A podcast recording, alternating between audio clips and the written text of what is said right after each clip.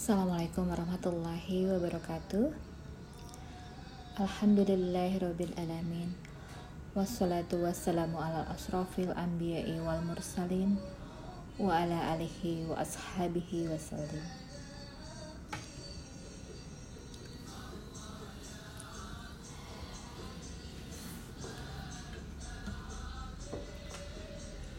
Auzubillahi minasyaitonirrajim. Bismillahirrahmanirrahim Alhamdulillahirrahmanirrahim Assalamualaikum ya Rasulullah Assalamualaikum ya Habibullah.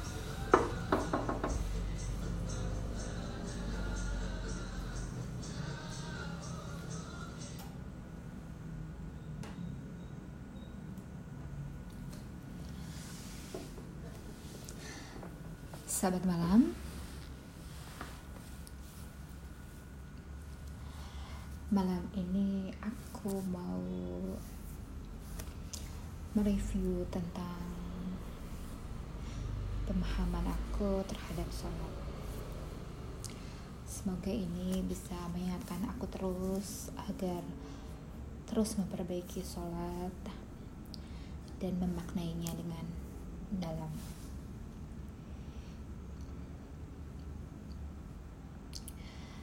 Setidaknya saat kita menghadap Allah Subhanahu wa taala dengan niat yang ikhlas karena Allah semata. Dan sebelumnya kita memohon agar diberikan kemampuan untuk melaksanakan sholat. Dan kemudian kita juga memohon perlindungan kepada Allah dengan bertawus atas segala godaan syaitan yang terkutuk.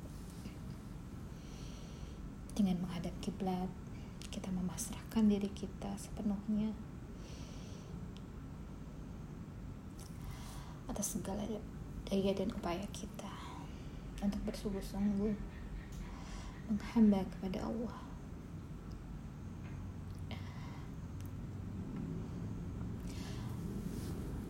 Dalam kitab tafsir Ibnu Kasir dikatakan bahwa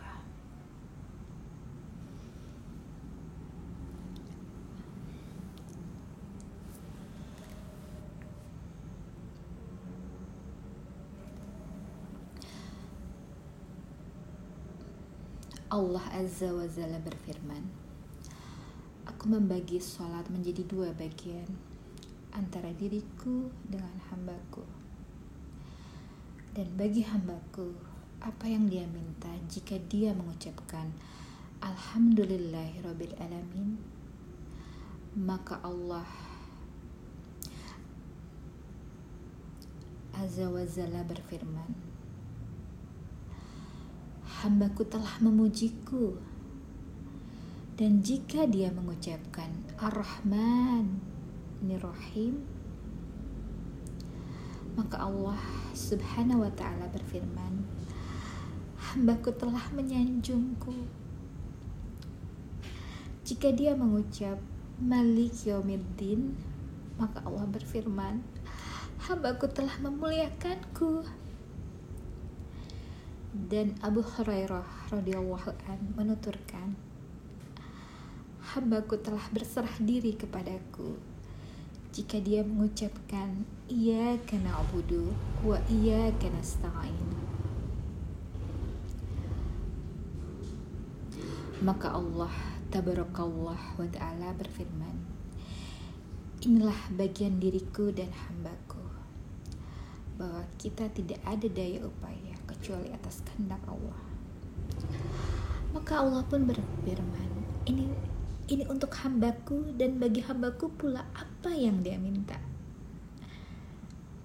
dalam ihdina siratal mustaqim siratal ladzina an'amta alaihim ghairil maghdubi alaihim waladdallin Hadis ini diriwayatkan juga oleh An-Nasai. Adapun kandungan hadis ini khususnya tentang Al-Fatihah.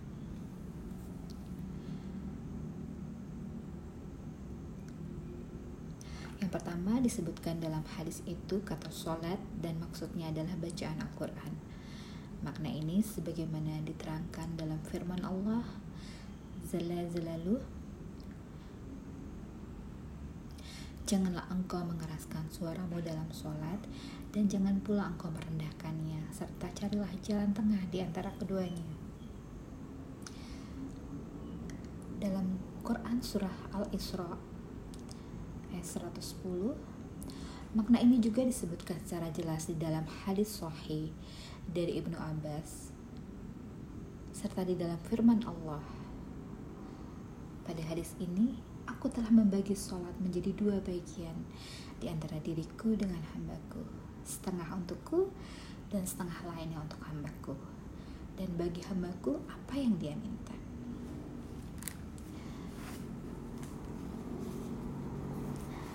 Kemudian lanjut kepada saat kita rukuk. dari apa yang aku dapatkan dari beberapa kajian ruku bil azimi wa bihamdi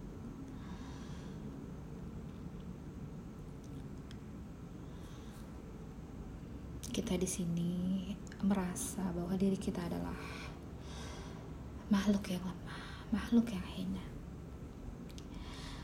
Dengan merendahkan diri kita dengan serendah-rendahnya maka kita akan berhasil mengagungkan Allah. Tiada yang lebih besar tiada yang lebih agung hanyalah Allah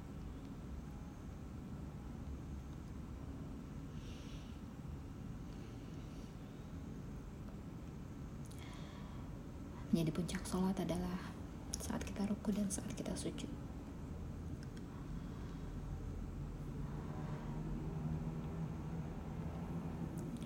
Kita ketahui manusia memiliki ilmu serta kehendak yang terbatas. Maka kita memohon kepada kuasa yang tak terbatas yaitu Allah yang sempurna sifat dan zatnya dan setelah itu kita sujud. Sujud ini adalah perlambang dari bagaimana kita mendidik diri kita agar memiliki hati rendah hati. Menjauhkan dari sifat sombong takabur. Semakin kita banyak bersujud insya Allah jiwa kita akan bersih. Semakin tinggi pula kesadaran rohaninya. Salah satu manfaat sujud juga sebagai menaikkan derajat, menghapuskan dosa besar, terhindar dari keburukan. Saat sujud adalah saat yang paling dekat kepada Allah.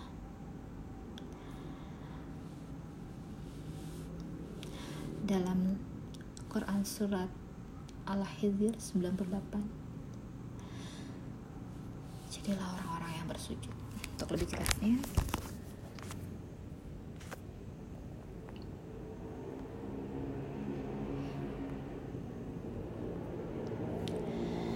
Kemudian dalam atahiyat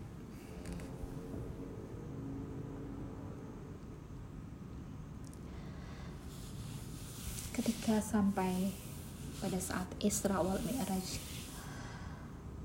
sampai di makam kita tempat pertemuannya antara Allah Subhanahu wa taala dengan Nabi Muhammad sallallahu alaihi wasallam.